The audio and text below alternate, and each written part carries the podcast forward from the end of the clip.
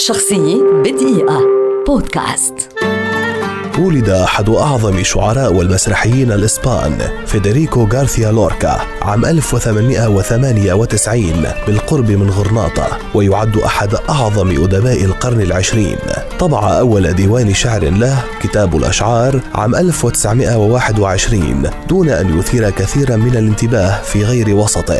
ومع أنه لم ينقطع عن نظم الشعر فإن ديوانه أغان لم يظهر حتى عام 1927 غير أنه استطاع بما له من قوة الشخصية أن يؤثر في الشعراء الآخرين من قبل أن تظهر أعماله المهمة. أما أولى مغامراته المسرحية الناجحة فكانت المسرحية النثرية التاريخية ماريانا بينيدا عام 1927 وشهد العام التالي ظهور أكثر دواوين دوركا شعبية حكاية غجرية الذي لاقى نجاحا مباشرا في إسبانيا وفي جميع البلاد الناطقة بالإسبانية وبالرغم من أنه كان مقلا بكتابته للمسرح لكن ما كتبه من مسرحيات مكنته من بلوغ سلم الشهرة وجعلته من أفضل كتاب المسرح بإسبانيا ومن مسرحياته أيضا مسرحية بيت برناردا ألبا. التي نشرت وعرضت بعد وفاته.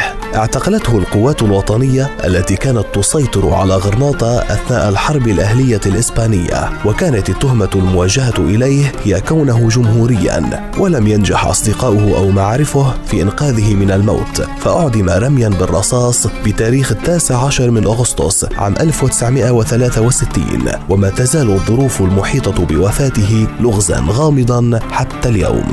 شخصية بدقيقة. بودكاست.